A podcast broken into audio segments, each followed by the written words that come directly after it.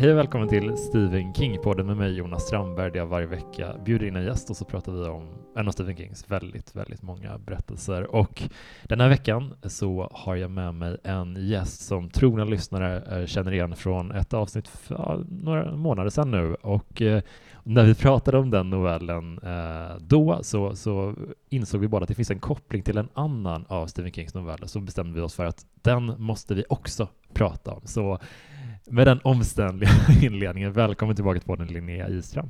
Tusen tack. Det är superkul att vara här. Jättekul att ha dig här. Hur, eh, hur är läget med dig? Det är superbra. Det är Mm. väldigt kallt eh, i Stockholm just nu. Det är fruktansvärt kallt. Det är knuffar 12 minus tror jag. Eller.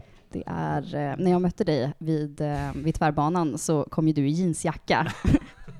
Och jag kom i liksom benlång Ja, dunjacka. men du hade ju den rimliga klädseln. Jag fick kritik upp till universitetet att jag hade för korta jeans och Mm. ehm, sneakers liksom in i december. Mm. Men nu har jag Mm. börjat ta åt mig. Men jag har börjat kolla jättemycket på den här uh, Fargo-serien som alla älskar, särskilt nu den femte säsongen som verkar vara superbra. Men jag har inte sett den sedan tidigare, så jag börjar om från början och älskar den klädstilen som alla har där. Även när de har så här kostym på sig så har de såna här kängor. Typ. Det är en härlig matchning liksom på något sätt. Ja men verkligen. Det är mysigt. Det är fint. Vad, vad har du läst sen sist? Det här är ju lite att väcka björnen som sover. att fråga mig om det här. Det kan bli hela avsnittet. Underbart. Eh, Men sen sist, jag nämnde det i förra avsnittet jag var med, att jag skulle läsa Grimm Mm. av Sara Bergmark Elfgren och läste den och jag var helt golvad. Det är Mm. bästa bok jag läste 2023. Den var så sjukt bra verkligen. Jag måste läsa om den typ Ja. snart. Nej, men den är otrolig, väldigt fin, väldigt sorglig, väldigt mörk. Det var liksom alla grejer som jag gillar som den pricka. Mm. Så den var riktigt bra. Um, och första boken i år blev faktiskt Kallocain Oh. av Karin Boye. Ja. har inte läst den tidigare Nej. och är väldigt ledsen över att jag inte gjort det innan. För den var också otrolig. Mm. Karin Boyes språk grep tag i mig på ett så oväntat sätt. Mm. Jag borde ju ha förstått det eftersom att det är en klassiker av en anledning. Mm. Men den var verkligen en stor upplevelse för mig. Gud vad roligt och att det skiftar så i de två um, genremässigt och vad det är för typ. Men jag försöker också så här aktivt sträcka mig lite åt olika håll för att ja, men, man, det blir lätt så här, även om man älskar Stephen King, vilket jag verkligen gör, så man måste typ lite träna sig själv och läsa lite andra grejer också, för han gör ju det jättemycket. Ja, nej men verkligen. Och det tycker jag man märker i hans författarskap också, att även om det fortfarande är det här typiska Stephen King-eska som han alltid har, Mm. så är det ju väldigt genreöverskridande mycket han gör. Gjorde jag. Eh, Jag läser, eh, jag och siffror är ju den sämsta kombinationen. Jag läser 11, 22, 63. 63 Ja. eh, för tillfället. Jag säger alltid fel. Min lillebror frågade vad jag tyckte om 1963 för ett tag sedan. ja, men det är ju rätt år i alla fall. Det är rätt år, men och då förstod jag inte att han menade boken jag läste. Men det hjälper ju inte att den har, de har kastat om ordningen Nej. på siffrorna i den svenska översättningen för att det ska matcha vårt datumsystem. Det är också, Nej. de vill inte att man ska lära sig vad den heter. Nej, jag har ingen aning. Jag trodde han menade 1984 i alla Mm. fall. Det känns som att, eh, att, att kunna den, eh, det här är en asgammal referens i och för sig, men att kunna den titeln, det är lite som att kunna den här eh, snabba segmentet i Kom igen Lena, Håkan-låten. Ja, ja nej, Det- jag har aldrig varit en. Håkan-tjej, så den kan jag inte heller. Nej, det, är- det, det, det är jättedouchigt att kunna, på samma sätt som kanske lite douchigt att kunna eller 2263 utan att staka sig. Eh, men eh, men vad, vad kul med, med Grim. Jag, jag tycker den är lite så här, när jag läste Norr Norra Latin, då bara shit, hoppas det kommer en uppföljare till den här. Den är ju väldigt, eh, den är, den är ju väldigt så här, tonårig liksom. Och jag älskar uh, tonårsskildringar och sådär, men jag trodde att Grim skulle vara lite mer åt samma håll.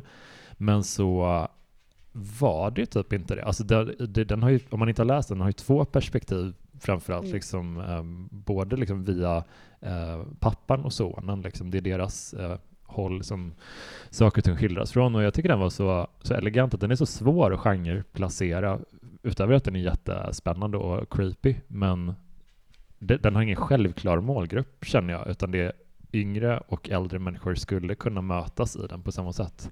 Verkligen. Inklusive hårdrocksfans, känns det. Verkligen. Den kändes så, som att det var så otroligt mycket kärlek i boken för, ehm, för genren. Det var Mm. väldigt fint att läsa. Mm.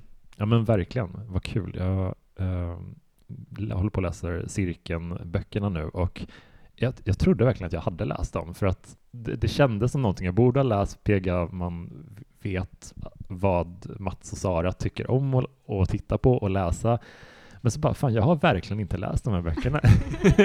jag var helt sjukt i huvudet, så jag sitter och läser dem nu och har läst de två första och kände att det här är så jävla spännande nu så jag kan inte eh, jag kan inte bara direkt hoppa till den tredje och sista för att då kommer det vara slut. Så att nu har jag, jag har lagt den på hold eh, för att hålla i det lite längre och det är jättejobbigt. Den ligger liksom på nattduksbordet och så bara Nej, jag läser väl den här nu istället.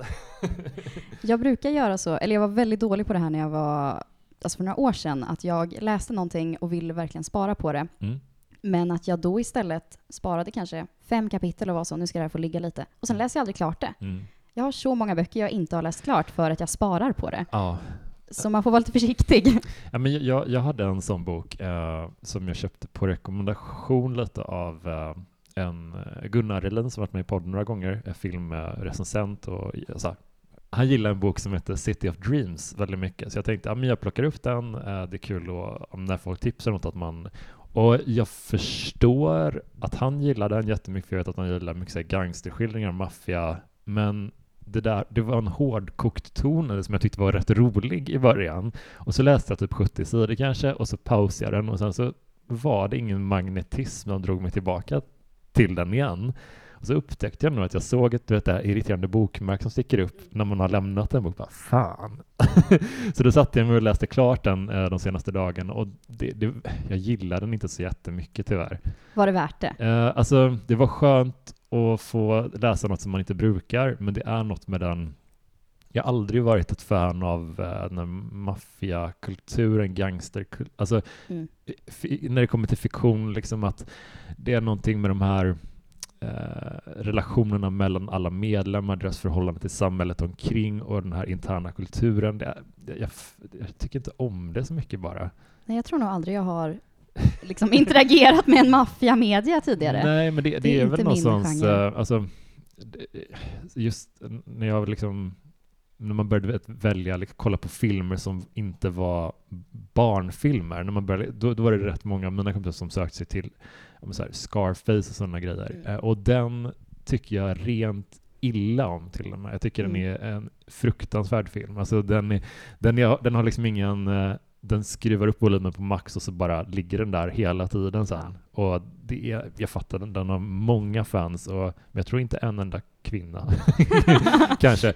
Men, men jag, det, är något, det är inte det där alltså att jag tycker illa om manligt kodad kultur. Det är liksom någonting bara med hur, hur det presenteras där. Att när det blir hårdkokt, och det är det nästan hela tiden, då är det lite som jag kan tycka American Horror Story är vissa säsonger, att det är uppskruvat till en viss...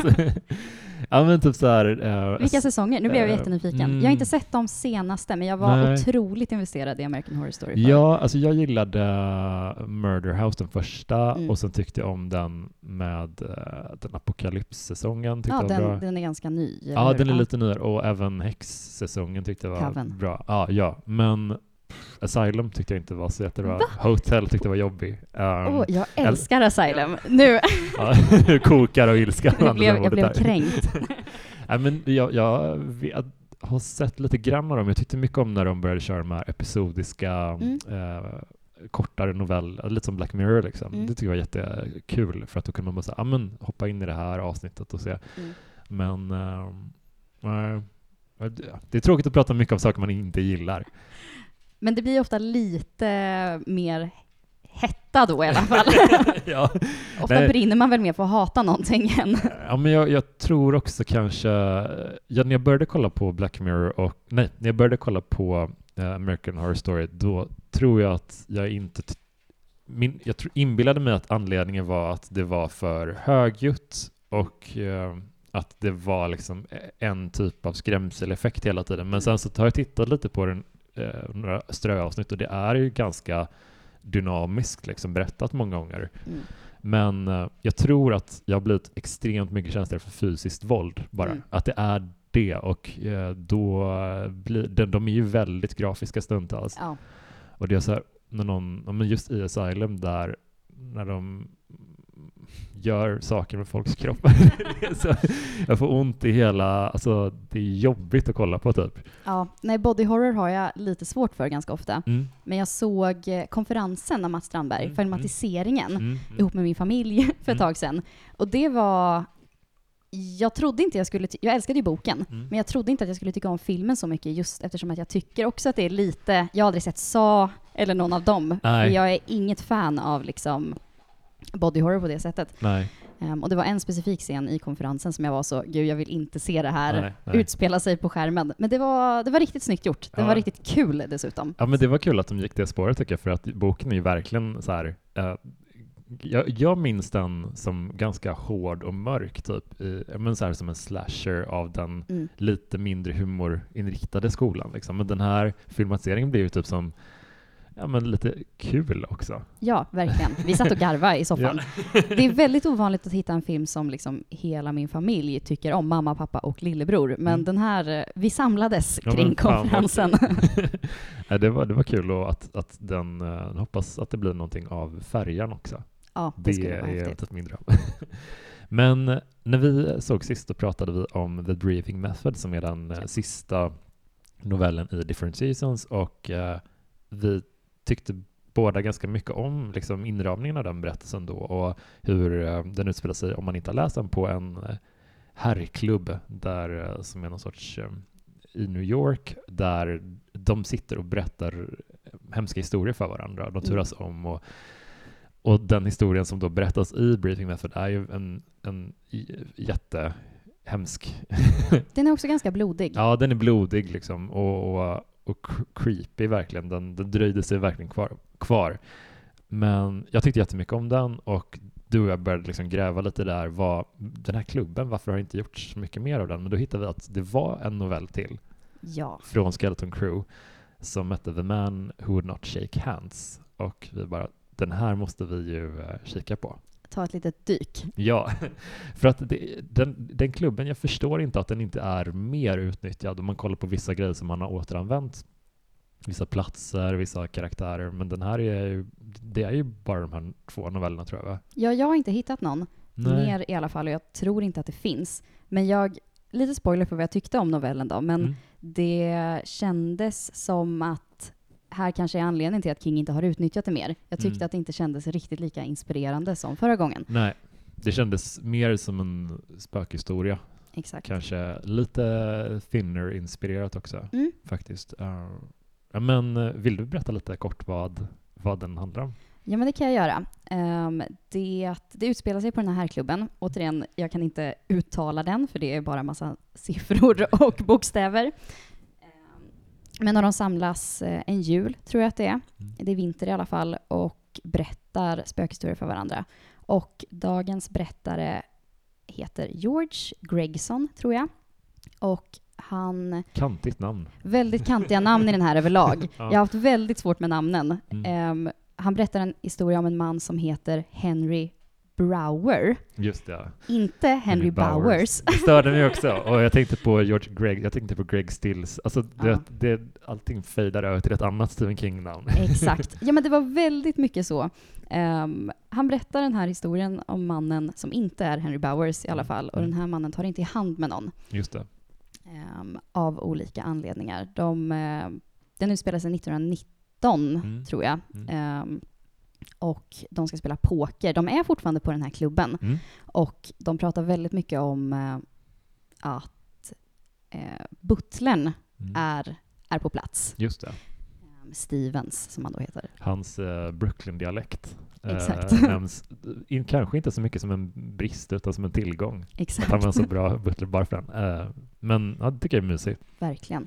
Men de påpekar också att det inte är Stevens, utan att det är en, en far eller en farfar eller en gammelfarfar kanske, Just det. som också har eh, varit på den här klubben. Och man förstår väl ganska snabbt att antagligen är inte fallet så, Nej. utan antagligen så är det Stevens här också. Det gillar jag väldigt mycket. Eh, det, det nämns att ja, men din farfar, var det han som jobbade? Han hade ett födelsemärke på precis samma ställe som du. Jag gillar den grejen. Mm, verkligen. Och det är det jag tycker funkar så bra med det här och den här klubbsättningen. Ehm, men den här historien är mycket mer fokuserad på själva historien. Ja.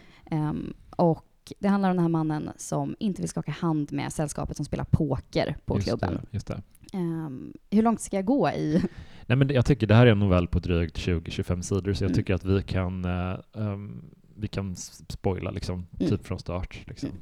Ja, men den här mannen, eh, Henry Brower, eh, de kör ett jättelångt pokerspel.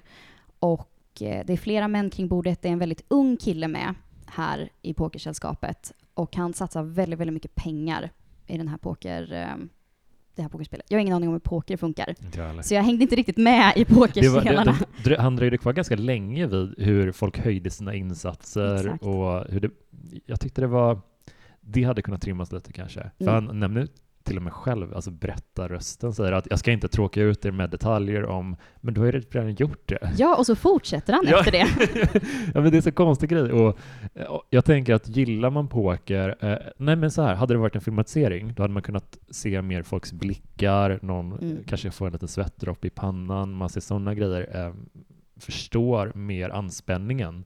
Här är det lite mera, ja men ja ja, kom, kom till saken nu. Verkligen. Ehm, Henry Brower vinner i alla fall den här gigantiska pokerinsatsen. Mm. Och eh, Davidson, tror jag han heter, Mm. är den här unga killen som har satsat väldigt mycket pengar. Och han har inte särskilt mycket pengar, får vi Nej. reda på. För att visa hur god, eh, god förlorare han är, Mm. så sträcker han sig fram för att ta i hand med eh, Henry Brower. Och det tas inte emot väl. Nej.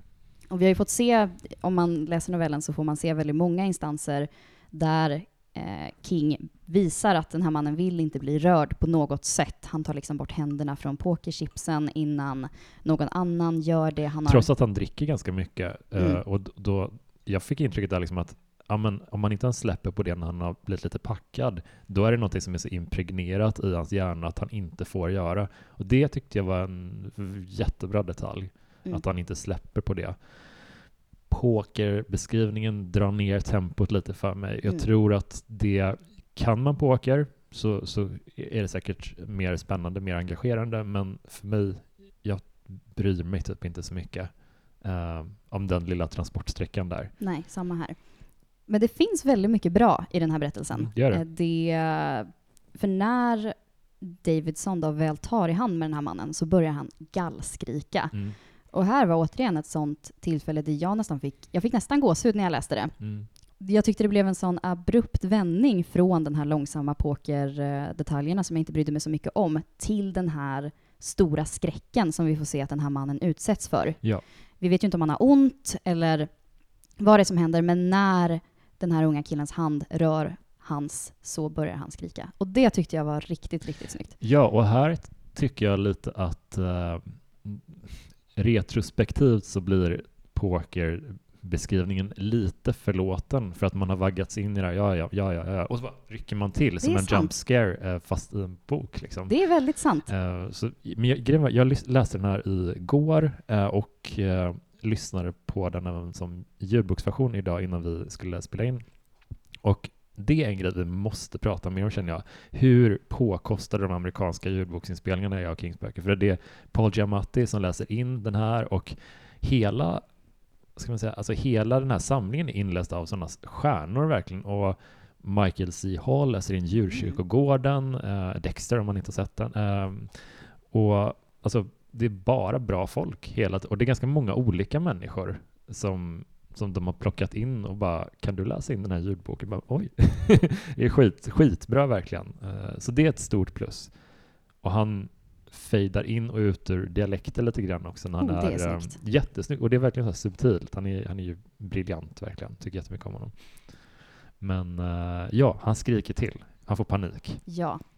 Ehm, och springer ut från det här pokerspelet där han har vunnit en väldigt stor summa pengar. Ta inte med sig pengarna. Han tar inte med sig pengarna utan han bara flyr. Han nämner att han har lämnat motorn i bilen på. Mm. Ehm, och det här blir viktigt senare. Mm. Den jobbar väldigt mycket med foreshadowing hela boken igenom. Mm. Man vet ju mer eller mindre slutet från sida två. Ja, verkligen. Och det tog också... En, en novell på 25 sidor bör inte ha liksom pacing issues, Nej. tycker jag. Men det faktum att man vet mer eller mindre vad som kommer hända gör att jag tas ut lite ur det i alla Ja. fall. Mm. Det här tycker jag också är otroligt oskönt av eh, han som berättar, för han säger att, eh, nu ska vi se, I once saw a man murdered right in this room, George Gregson said, although no juror would have convicted the killer. Yet at the end of the business he convicted himself and served as his own executioner. Det är exakt det som kommer hända. Exakt, så det är verkligen, här får vi veta svart på vitt det som, det som kommer ske eh, 25 sidor senare. Men jag tycker också det är så jävla oskönt att kalla det här för ett mord. Ja, alltså verkligen. Det var ju inte som att han greppade tag i någon. Han fick ju panik när han förstod att vad som skulle hända. Den här stackars mannen har ägnat tio sidor åt att förklara att han inte vill bli rörd och visat mm. det på mm. jättemånga sätt, även när han är stupfull. Mm. Och sen kommer det någon och skakar hand med honom. Um, och spoiler, mm. den här unga killen dör mm. av en, uh, jag tror att det är en blod, blodpropp. Ja. Uh, som vi får reda på att han dör av vid ett senare tillfälle. Och att då vara så här, ah, han blev mördad. Nej, det vill han verkligen. Det han får skylla sig själv. det är så himla konstigt sätt att, uh, men jag reagerade också på det, att, att, att det var så uttalat. Ibland så kan man få en sån liten ja, men foreshadowing som är lite mer subtil eller mm. tvetydig så att man kan tänka, som kanske skickar oss som läsare åt ett visst håll och sen så kommer payoffen och det är vad han, han lovade i början av novellen men på ett helt annat sätt. Exakt. Uh, han uttrycker, han, om han hade uttryckt sig lite mer flytande kring det på något sätt kanske. Mm, nu fattar vi direkt vem kommer vara förövaren, liksom, vem kommer vara offret eller sådär. Uh. Sen kan ju vägen dit vara intressant, vilket jag tyckte mm. att den var, mm. men ja, fördelar och nackdelar. Mm. Men det jag tyckte funkade bra med det här att han, oj jag lämnar bilen på, säger han, och så springer han ut från den här pokerturneringen. Och när eh, berättaren kommer ut på gatan så står den här mannen ensam där, ingen bil i närheten och då börjar man ju... Där är det en sorts foreshadowing som jag tycker funkar, för då blir det mm. så här, vad är det egentligen han menar? Um, och det gillar jag. Jättemycket. Och den, han har drabbats av en sån otrolig panik när han, eh, snubben hittar honom på gatan där utanför. Att han, han beskriver hur hans blick har tappat eh, det sista av eh, sansen. Liksom. Att han, han, han, han har blivit galen, typ. Mm.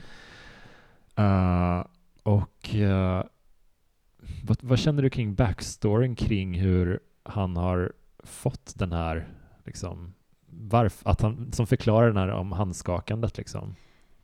Jag tycker det är väldigt tragiskt, mm. men jag tycker att det också eh, glossas över lite väl snabbt. Mm. Vi får förklaringen på varför den här mannen verkligen inte vill ta i hand av eh, någon väldigt oskön snubbe som mm. jobbar i ett lägenhetshotell. Just det. Eh, och han relayar det här till, eh, till berättaren och säger det att ja, men Henry Bauer var stationerad i vart, eh, Ja, Bombay tror jag han säger. Ja. Där, ja. Um, han var stationerad i Bombay och eh, var på affärsresa där mm. och hade en Ford Just där det. som han var väldigt, väldigt förtjust i. Och det var tydligen väldigt ovanligt i Bombay på mm. 20-talet.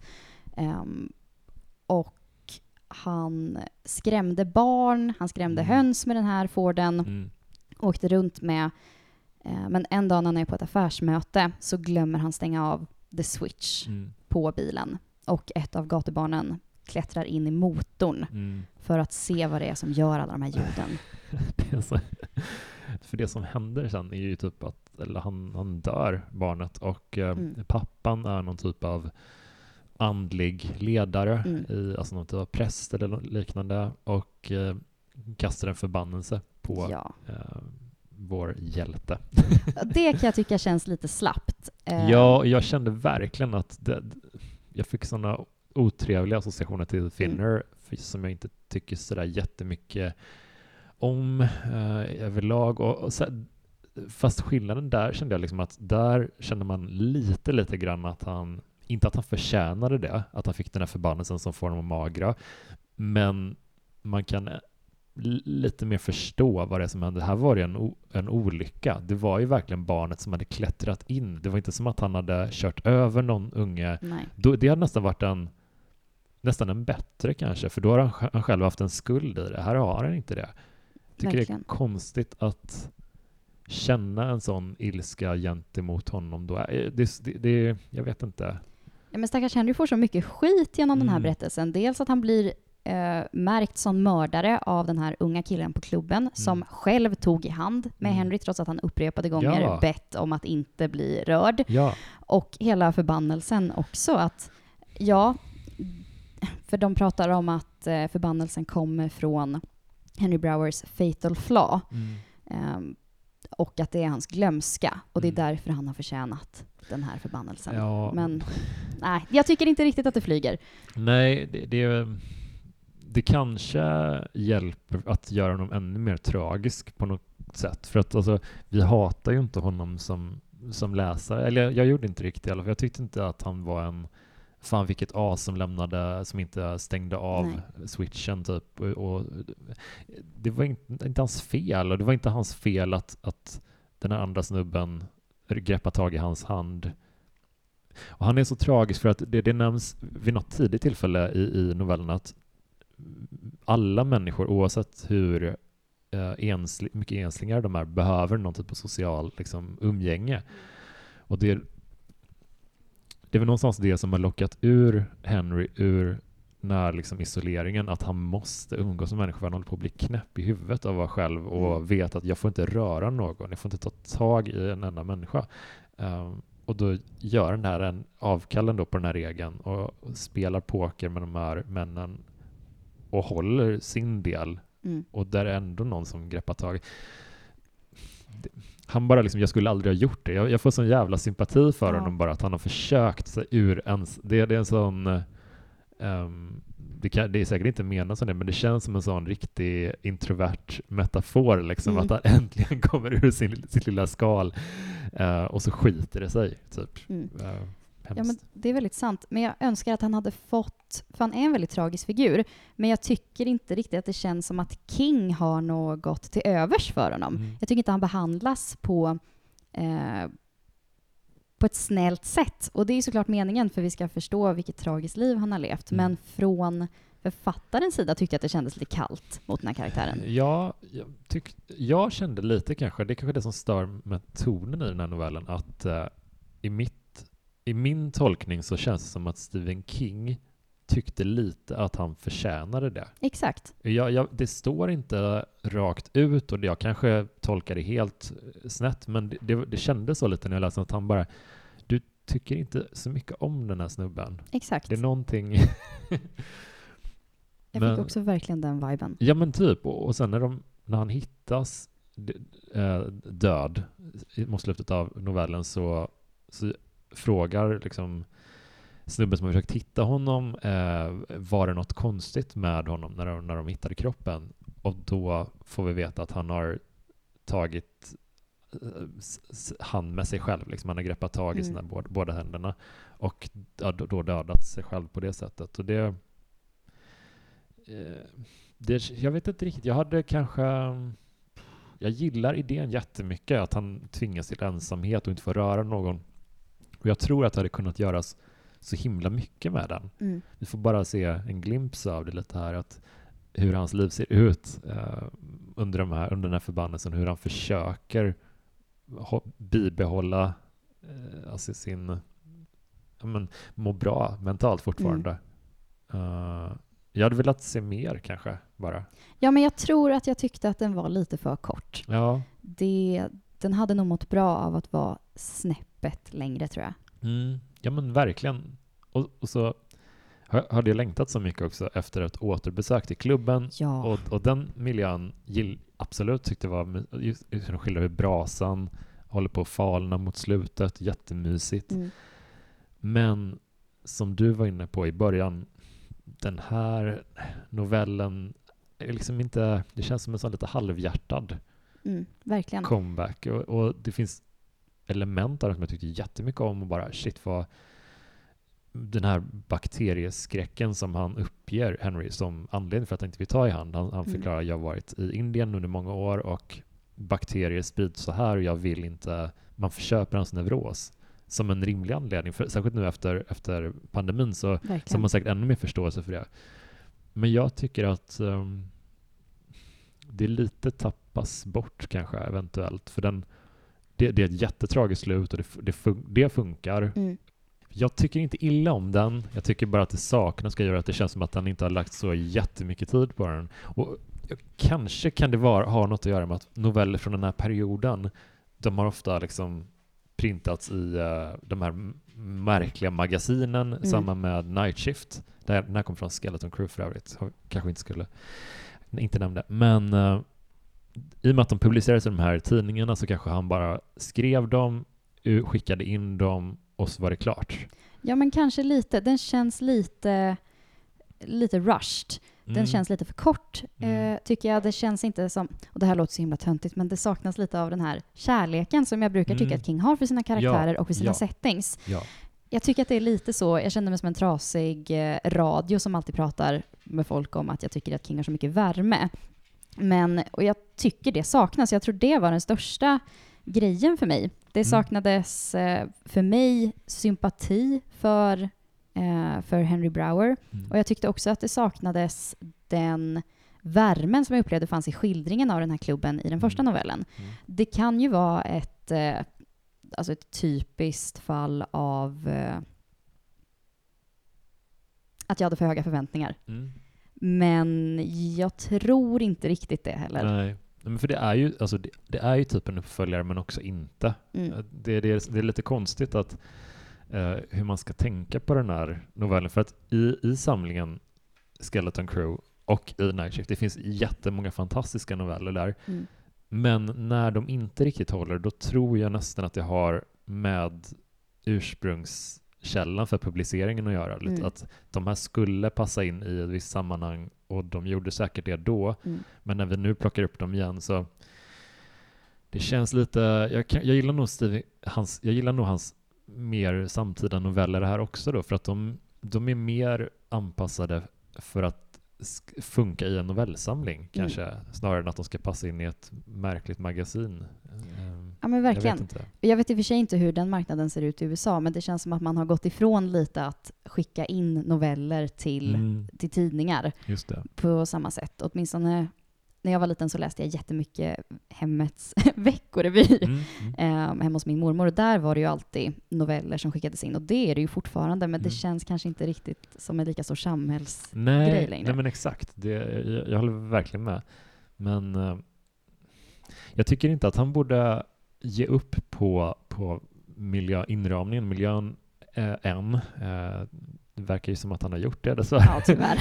men men det, det kan nog vara någonstans att han kände, han skrev den här och kände att men nu har jag, nu har jag gjort det jag kan med den här. Mm. Men jag, alltså jättemånga bra grejer. Att, att butlern är en ålderslös eh, varelse som mm. bara hänger kring där. Jag tycker det är jättespännande. Han har alltid varit där. Han är en del av interiören. Liksom. Mm.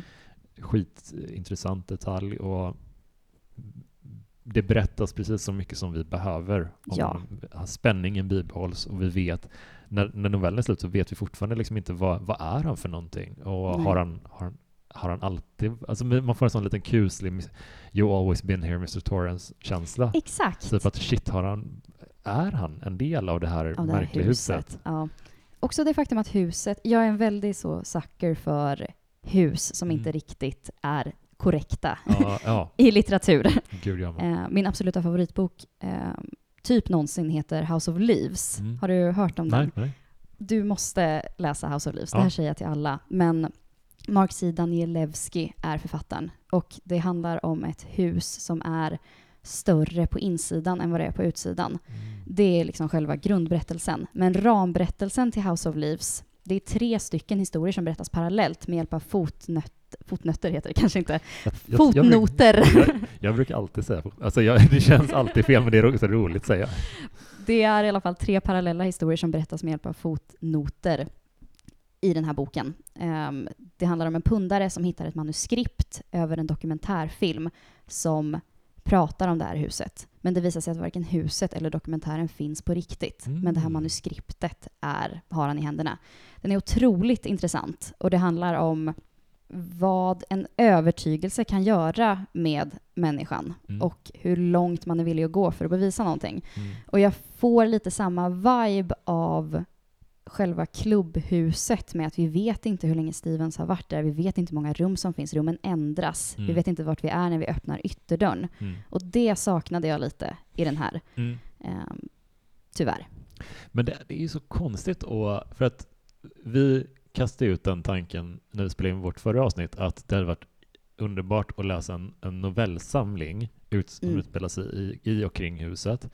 Och nu när jag läser um, för ett kommande avsnitt, uh, Hjärtan i Atlantis, Mm. den är ju liksom jag är typ halvvägs så jag kan inte liksom uttala mig så bra än, men den är liksom inte som en roman och den är inte en novellsamling utan den är väldigt episodisk och uppdelad lite sådär med, med gemensamma teman och röda trådar och sådär. Men eh, så han har ju doppat tårna i det lite mer abstrakta Mm. formatet och jag tänker också så här, när han gillar ju att skriva noveller, kan vi inte ha en som har en gemensam omfamnande berättelse? Typ? Ja. Det, det måste ju vara jätte, underlätta jättemycket för honom. Men different seasons, där är liksom årstiderna, varje, varje story är en eh, höst, sommar, vinter. Alltså, Mm. det är ju någonting, men det hade varit mer påtagligt om det här är huset, typ bara. Exakt. Att det är det. Att det får liksom leda novellerna i ja, samlingen. gud ja. Över många år också tänker jag att klubben, Mm. alltså man kan göra nedslag i som, som här 1919 eller på 70-talet som Different Seasons eh, novellen eh, och att butlern alltid är med på något sätt. Mm, Det har verkligen. varit jättespännande. Jag har en, eh, en, ett önskemål inför den här You Like It Darker som kommer. Mm. Jag vet inte vart jag har fått den här fixa idén från, Mm. men jag, jag är så... Känns det inte som att det kommer en ny Mm. Klubben-novell i Oh. den samlingen? Gud vad jag hoppas det. Gud vad jag hoppas det. Antagligen inte. Nej, Men, jag har alltså- liksom fått för mig det. Det, det känns som att eh, vi tillhör den mm, smalaste klicken av fa- King-fans som brinner för klubben. Ja, det är ingen annan. Jag har aldrig hört någon annan som har liksom pratat så mycket om... om Alla den lyssnarna bara, miljön. vad håller ni på med? Alla bara, skriv en till Dark Tower, skriv en till uppföljare till det här. Nej, jag kan inte höra den där märkliga gentleman... Klubben tack. herrklubben från... eh, det, det är ju ganska obskyrt liksom, men, eh, men det är också... Jag gillar lite han... kan tycka väldigt mycket om när King leker lite med så här... ehm, man märker att han är ett fan av någon författare, som Mm. att han gillar kanske Lovecraft i någon, och här känns det rätt så mycket, jag är inte jättebevandrad i Poe, men det känns väldigt Edgar Allan Poe Ja, men lite liksom, faktiskt. ehm, den här, eh, ja men i tonen typ och sådär. Så tyckte jättemycket om det, att man kände att han är ett fan och gillar ändå tragiska skildringen av, av Henry på ett sätt, men känner också parallellt med det att det saknas en empati med honom. Mm. Att han känns som att han beskylls för någonting på ett konstigt sätt. Verkligen. Ehm, får se om det, om det, om det kommer, om det kommer tillbaka till, till, till, eh, till den här platsen. Ehm, han har ju över, överraskat förr, Mm. så det tog ju, hur långt det tog det innan Dr. Sleep kom från att Shiny, det var liksom så här ett, minst 30 år typ, så att kanske. Ja, Could You, Could You-uppföljaren har väl också varit liksom in the works ganska Det är länge och kommer nu till det kommer Like It. Darker. det tycker jag är så jävla konstigt. Jag har inte läst den, men jag, jag tycker också, av det jag vet av den boken, så är det också lite så här, varför? ja, Nej, men det, det är lite märkligt, men, eh, men det, det känns också som att det är eh, en, en god idé att låta hans Stephen Kings infall styra vad som ska hända härnäst. Ehm, det blir oftast intressant åtminstone. ja, verkligen. Men eh, har du några closing words om våran, uh, våran stackars novell? Den är läsvärd. Det var inte en dålig novell, Nej. tyckte jag inte. Även Nej. ifall vi kanske har låtit ganska negativa nu, så hade jag inte på något sätt en, alltså en dålig upplevelse när jag läste den. Nej. Men någonting saknades.